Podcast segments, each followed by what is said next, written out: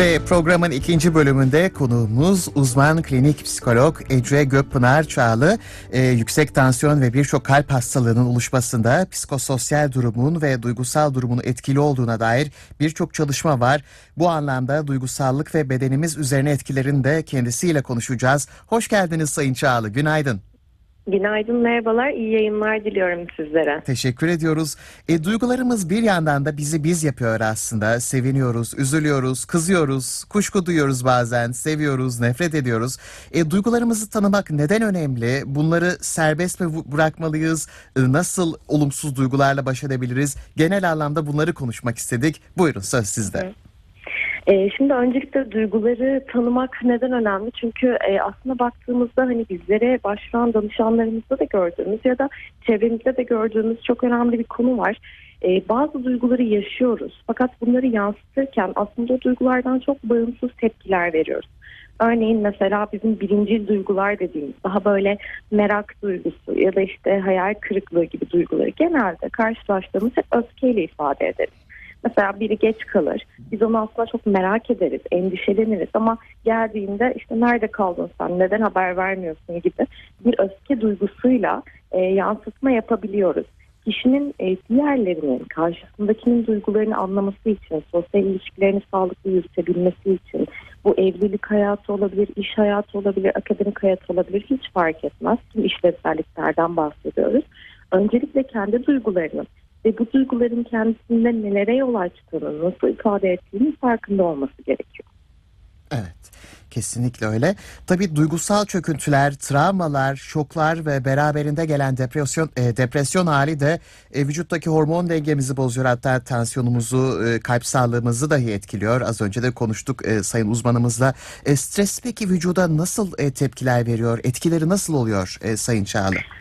Ee, şimdi aslında hep üzerinde durduğumuz bir şey var. Mesela stres diyoruz, kaygı diyoruz. Baktığımızda çok olumsuz duygular gibi e, geliyor kulağa ama e, öfke de bunlardan bir tanesi. Aslında bunlar insanın yaşamını sürdürebilmesi için, devam edebilmesi için gerekli olan duygular. E, örneğin işte stresli olduğumuzda ya da kaygılı olduğumuzda bir şeyler için önlem alıyoruz bir tehlikeye karşı bedenimizin verdiği aslında o e, tepkiler yani fiziksel, fizyolojik tepkiler aslında bizi o şeye karşı ya savaşmaya ya da kaçmaya hazırlayan tepkilerdir. Dolayısıyla baktığımızda evet bu duygular bizim hayatımızda var olması gerekiyor ki biz bir şeyler için tedbir alalım, önlem alalım. Fakat bunlar artık kontrol edilemeyecek düzeye ulaştığında ya da e, bir tehlike anı değil de e, sebepsiz yere e, günlük yaşam içerisinde de sık sık hissettiğimiz duygular olduğunda işte o zaman o fizyolojik belirtiler bizi çok yormaya başlıyor. Hep söylediğimiz bir şey vardır. Dil konuşmadıkça beden konuşmaya başlar. Çünkü aslında o duyguların ifade edilmeye ihtiyacı vardır. Dışarı vuruma ihtiyacı vardır.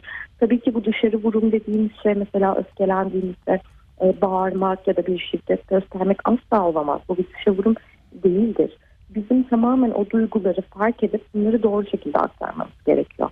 Beden üzerinde aslında e, tüm bedeni yani e, baştan ayağa kadar belirtiler gözlemleyebiliyoruz. Streste veya kaygı halinde veya o yoğun duyguları yaşarken.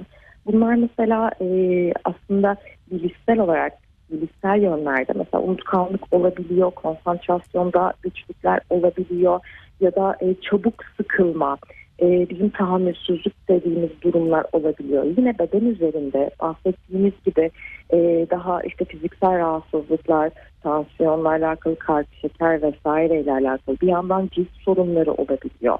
Ya da işte mide bağırsak sisteminde yine e, ciddi e, sorunlar gözlemleyebiliyoruz. Aslına bakarsanız tüm bunlara eşlik eden bir de günlük hayatta var olan sorunlar oluyor. Bunlarda mesela işte uyanma güçlükleri oluyor. İştahla alakalı e, değişiklikler olabiliyor. Ya hiç yemek yememe ya da çok duygusal yeme dediğimiz çok fazla yemek yeme gibi. Baktığımızda zaten tüm bedeni sistem olarak etkileyen bir durum var burada. Evet. Tabii duygularımızı kontrol altına almak da mümkün müdür ya da doğrusu bu, bu mudur, e, sağlıklı mıdır? Bu da e, konuşulan e, konuların başında geliyor. E, neler söylemek istersiniz bu konuda özellikle e, aşırı duygusallık anlamında da e, bizi sıkıntıya sokan durumlar söz konusu olur mu acaba? Şimdi duyguları kontrol altına almak dediğimizde karıştırmamamız gereken önemli bir konu var. Aslında duyguları e, hissetmek yani mesela işte e, üzüntü, mutluluk, işte öfke bunları hissediyor olmak tekrar altını çiziyorum oldukça normal şeyler. Bizim kontrol altına almayı öğrenmemiz gereken kısım. Bu duyguları yaratan düşünceler neler? Ve bu düşünceler bu duyguları yarattıktan sonra biz bunları nasıl davranışa bakıyoruz? Örneğin e, hep şöyle olur mesela bir olaydan bahseder kişi. İşte arkadaşım bana selam vermediği için çok öfkelendim. Aslında bizim burada öfkelendiğimiz şey olayın kendisi değil o olaya atfettiğimiz düşünce. Ne demek oluyor bu? Örneğin arkadaşım bana selam vermediyse eğer o anda benim düşüncem beni görmezden geliyor, e, benimle konuşmak istemiyor, beni yok sayıyorsa o zaman ben e, öfke duygusunu hissedebilirim. Ama o anda bir alternatif düşünce geliştirip ya canım şey sıkkın herhalde beni görmedi ya da e, işte e, hani baktı ama e, beni fark etmeden işte acaba aklında başka bir şey mi var gibi düşünce olursa o zaman olay aynı olmasına rağmen duygumuz aynı olmayacaktır. Öfkelenmeyeceğiz. Dolayısıyla belki davranışımız da daha farklı olacak. E, İlk senaryoda belki biz de ona öfkeleneceğiz ve işte aramayacağız. E, aramalarına cevap vermeyeceğiz. O kişiyle arkadaşlığımızı bitireceğiz. Ama diğer senaryoda belki de biz arayıp hani bir sıkıntın mı var, derdin mi var, e, yanından geçtin ama görmedin herhalde diye sorduğumuzda aslında davranış da bambaşka hale geliyor. Ve burada değiştirdiğimiz ve yönettiğimiz şey o duygu olmuyor. O düşünce oluyor. Hepimiz günlük hayatta birçok olay yaşıyoruz. Stresli süreçlerden geçiyoruz. Evet. Ve yaşamla alakalı, işle alakalı. Burada yaşadığımız stresten öte bu stres hangi düşünceyle, hangi olay, hangi düşünceyi uyandırıyor ki bizde? Ee, biz bu duyguyu yaşıyoruz ve davranışa döküyoruz ve kontrolde zorlanıyoruz. Bunları işte tanımlamak, bunları ayırt etmek çok büyük önem taşıyor. Tabii okul, iş, aile, sosyal hayat, maddiyat ya da zaman yönetimi e, tüm bunlar e, bu alanlarda yaşanan korku, kaygı ve endişeler strese dönüşerek hayatımızı kuşatıyor. Ne yazık ister istemez. E, yaşamımızın pek çok döneminde başa çıkmak zorunda kaldığımız stres nedir tam olarak? Nasıl e, etki etmektedir olumsuz anlamda e, vücudumuza? Aslında bahsettiğiniz gibi tüm alanlarda yani yaşamın kendi içerisinde e, var olan da bir duygudan bahsediyoruz. Bir yerlere işte yetişme çabamız var, yetiştirebilme çabamız var. Bu her anlamda işte okul olsun, dediğimiz gibi aile olsun, e, iş, maddi kısım. E, birçok şeyi yönetmeye çalışıyoruz. Ve birçok şeyi yönetirken de aslında belki de birinci basamakta bir kaygı yaşıyoruz. E, yetememe kaygısı, yapamama kaygısı, başaramama kaygısı. Ve bu insanlarda tabii ki e, ciddi bir strese yol açıyor. Şimdi en başta söylediğim o belirli miktarda stres ve kaygının aslında e, motive edici, harekete geçirici bir şey olduğuydu. E, şimdi o noktaya kadar geldiğinde örneğin bir e, yerde çalışıyoruz ve yapmamız gereken bir iş var. Eğer belli bir miktarda bir kaygıyı hissediyorsak e, o kaygı bizi harekete geçirecektir. Ne yapacaktır? Ben bu işi yetiştirmem lazım. Dolayısıyla sizin de dediğiniz gibi bir zaman yönetimi yapmamı sağlayacaktır bir an önce o işi yapıp bitirip hayatıma devam etmem gerekir. Fakat üst düzey bir kaygı yaşıyorsam eğer o zaman bahsettiğim ya bilişsel anlamda da odaklanma güçlükleri, zamanı yönetmede güçlükler yaratacağı için bu sefer hem kaygıyı yaşayacağım hem de e, bir an önce yapmaya çalıştığım şeyi e, organize olup yapamayacağım ve dolayısıyla bir kısır döngü başlayacak orada. Daha çok kaygı duymaya başlayacağım. Daha çok kaygı duydukça da yine odaklanmam, organize olmam zorlaşacak. Mesela bunu daha çok aslında e, sınav dönemlerinde özellikle e, çocuk ergenlerde de çok gözlemlediğimiz bir şeydir. Aileler derken hocam hiç mi e, umursamıyor sınavı vesaire. Halbuki aslında çok umursayıp belki de çok stres yaptığı için çalışamıyor. Odaklanamıyor, kendini organize edemiyor, stresi yatıştıramıyor. Onun e, iyi ayırt edilmesi gerekiyor bu noktada. Evet. Dozajında olduktan sonra stres de aslında bizi harekete geçiren doğal bir dürtü gayet. Kesinlikle. E, bunu da belirtmek gerekir. E, Çünkü o da hayatın bir parçası.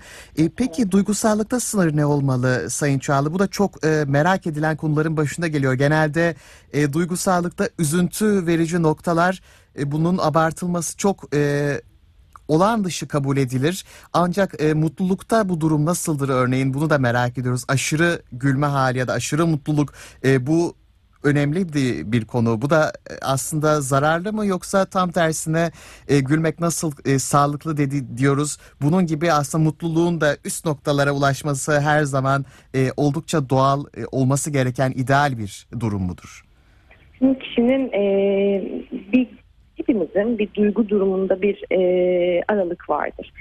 Hiçbirimizin bir gün biriyle tıpatıp aynı olamaz. Elbette daha kendimizi böyle hafif üzgün hissettiğimiz bir olaya bağlı olarak diğer gün daha neşeli hissettiğimiz günler olabilir. Bunu da hepimiz deneyimleriz baktığımızda.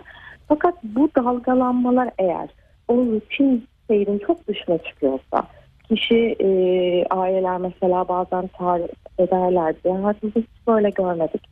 O kadar mutlu, o kadar enerjik, o kadar yaratıcı ki hiç durmuyor, sürekli konuşmak istiyor. Şimdi bu da bizim için e, şüphe uyandırıcı bir psikiyatrik tabloya e, dönüşebilir. Bizim duygu durum dalgalanmaları dediğimiz şeylerin belli bir aralıkta olması e, önemlidir. Dediğim gibi illa sürekli mutlu olmak, gülüyor olmak bazen bunlar bize şunu da düşündürebilir. Bir bastırma mı var, bir inkar mı var? Çünkü duyguları tanımaktan bahsediyorsak ya da kontrolden öncelikle bu duyguların kabul edilmesi gerekiyor. Farkında olmamız gerekiyor ve bastırmamamız gerekiyor. Ancak bu zaman kontrol edebiliriz. O yüzden nasıl sürekli üzgün olmak ya da işte e, üzüntülü hissetmek bize bir soru işareti uyandırırsa sürekli bu şey demek değil. Yani insanlar sürekli mutlu olamaz mı? Tabii ki olabilir. Mutlu hissedebilirsiniz. İlla hayatınızda bir üzüntü olmak zorunda değil. Ama bu normal rutinin dışında seyretmeye başlıyorsa o zaman e, bir durmak ve bir kontrol etmekte fayda var. Evet. E, Sayın Çağlı bir de tabii insanlar özellikle de duygusal olan e, insanlar çok bu soruyu da e, soruyor. E, aşırı duygusallıktan kurtulmak mümkün müdür diyorlar. Çok hassas diyelim kişiler. E, bunlar çabuk tepki gösteriyorlar birçok şeye. Belki hüzünleniyorlar, ağlıyorlar. Bu doğru duygusal durumu bastırmak doğru mudur yoksa tam tersi kurtulmak düşüncesi mi yanlıştır? Bunu da konuşmak gerekir. Hı hı. Biraz önce bahsettiğimiz bu hani e, olay, düşünce, duygu e, sistemi vardı ya aslında orada genelde işte çok hassaslıktan yakınan ya da çabuk reaksiyon tepki verdiğinden yakınan e, danışanlarımızda genelde çalıştığımız şey de bu oluyor. E, önce bir olayı acaba biz otomatik olarak örneğin mesela alınganlıkla mı değerlendiriyoruz? İşte geri dönersek o örneğe yanımdan arkadaşım geçiyorsa selam vermeden bazı insanlarda otomatik repertuarında olan bazı düşünceler oluyor. Ve bunlar aslında böyle bir zihinsel aşamadan geçmeden böyle hemen canlanıyor. Selam vermediği anda diyor ki tamam bana değer vermiyor. Çünkü kişinin aslında dediğim gibi repertuarında var olan sistemde otomatik düşüncesi bu oluyor. Ve sonrasında çevresinde olan biten her şeye hani algıda seçicilik dediğimiz bir şey vardır ya böyle bakmaya başlıyor. Yani işte arkadaş selam vermedi. Daha sonrasında e, biri e, kapıyı onun için açmadı. Şimdi bütün bu örnekleri, bütün bunları topluyor kişi fark etmeden. Ve sonrasında şunu söylüyor. Yani kimse bana değer vermiyor. Ya da kimse benim ihtiyaçlarımı gözetmiyor. Şimdi böyle olduğunda aslında kişinin tahammül seviyesi azalmaya başlıyor. Ve dış dünyayı değerlendirirken hep bu çerçeveden değerlendirmeye başlıyor. Dolayısıyla da bu duygusal reaksiyonları yaşıyor. Ee, burada önemli olan dediğim gibi herkesin öfke, stres, kaygı gibi aslında bize zarar verdiğini düşündüğümüz, tabii ki üst noktalarda zarar verdiğini düşündüğümüz duyguların hangi düşüncelerden kaynaklanıyor oldu. Örneğin bir olay yaşadım eşimle, dostumla, arkadaşımla. Ee, ben neden bu olayda böyle düşünüyorum ya da böyle hissediyorum sorusunu. Neden bu duyguyu yaşıyorum sorusunu sormak lazım.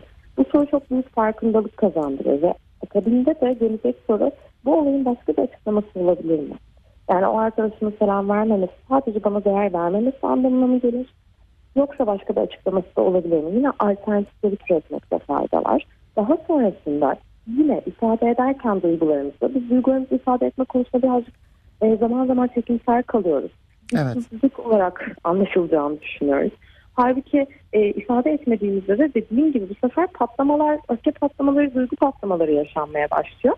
Ya da e, o fiziksel belirtileri göstermeye başlıyor kişi. Bu sefer de anlaşılmadığı düşüncesi ortaya çıkıyor. Dolayısıyla duyguları ifade etmek gerekiyor.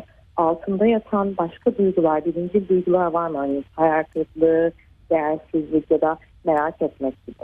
e, daha sonrasında bunları ifade edip e, o ben dilini kullanarak hani ben böyle hissediyorum o birazcık ifade etmeyi belki de öğrenmemiz gerekiyor diye düşünüyorum. Sayın Çağlı peki negatif duygularımızı nasıl yönetebiliriz? Daha doğrusu hayal kırıklığıyla nasıl baş edebiliriz? İnsanlar bazen beklentileri fazlaysa hayal kırıklığına uğrayabiliyorlar işin e, günün sonunda. E, bu durum normal midir? E, nasıl mücadele edilmeli? Özellikle söz konusu kişiler hassassa az önce konuştuğumuz gibi ya da genel olarak baktığımızda da durum e, nasıl mücadele edilebilir acaba bu alanda? Tüm bunların aslında ilk baştaki basamağı ki sizin de aslında ilk sorduğunuz soru e, tanımak. Yani hem duyguları hem kendimizi tanımak. Eğer biz kendimizi, duygularımızı, ihtiyaçlarımızı, güçlü yönlerimizi, zayıf yönlerimizi tanımıyorsak karşı taraftan beklentilerimizi de şekillendiremeyiz. Çünkü bazen e, ihtiyaçlarımız bu beklentileri doğurur. Fakat biz kendimizi tanımadığımız sürece bir başkasını tanıyor olmamız da çok mümkün değildir. Bizim ihtiyacımız evet bu ama bu karşı tarafın haberdar olduğu bir ihtiyaç mı örneğin? Ya da karşı tarafımıza sağlayabileceği bir şey mi? Ya da bunun kendi kendimize aslında gidermemiz gereken ya da sağlamamız gereken bir şey mi? Ya da bir başkası tarafından sağlanması gereken bir şey mi? Şimdi kendimizi tanımadığımız zaman, o ihtiyaçları belirlemediğimiz zaman karşı tarafı da düzgün tahayyül edemiyoruz. Ve bu noktada da aslında o beklentilerle ilerlediğimizde belki karşı tarafın bunun haberi bile olmuyor. Hatta şey çok diyoruz. Ben söyledikten sonra ne önemi var mesela. Ama biz söylemeden karşı tarafın bizim beklentilerimizi, bizim içsel süreçlerimizi, bizim zihnimizi okuması imkansız. Dolayısıyla e, karşı tarafın haberdar olması gerekiyor. Bu ihtiyaçlarla alakalı, bu beklentilerle alakalı yine bunların konuşularak aslında e, paylaşılması gerekiyor. Ben söyledikten sonra ne değeri var e, cümlesi bazen dediğim gibi çok sık karşımıza çıkıyor ama e, tekrar vurgulamak istiyorum. Biz söylemeden de karşı taraf bilmiyor olabilir. E, bilmediği zaman da bu sefer biz diyorken özellikle yapmıyor. Hayır belki de zaten haberi bile yok böyle bir beklentimiz, böyle bir ihtiyacımız olduğundan. Dolayısıyla açık iletişim bu noktada karşı tarafla ve kendimizi tanıma, ihtiyaçlarımızı tanıma ve karşı tarafı tanıma, bir başkasını tanıma çok büyük önem taşır. Evet. E, çok teşekkür ediyoruz Sayın Ece Gökpınar Çağlı. E, kolaylıklar efendim sizlere de. E, aşırı duygusallığı ediyorum. konuştuk. Gayet de ket vurmamamız, doğal bırakmamız gerektiğini, dozajında olan her duygunun doğal ve normal olduğunu konuştuk. Çok teşekkürler efendim. Evet. Sağ olun. Ben teşekkür ederim. İyi yayınlar diliyorum. Hoşçakalın. Sağ olun ve TRT Radyo 1 kanalında Ailece ile sizinleydik. Programı hazırlayan Mutlu Füsun Küçük, teknik yönetmenimiz Ümit Şahin ve spikeriniz ben Giray Çavdar. Hepinize sağlık, mutluluk, huzur dolu güzel bir hafta diliyoruz efendim. Ve Göksel'le sizi baş başa bırakıyoruz son olarak Sevil Neşelen diyor.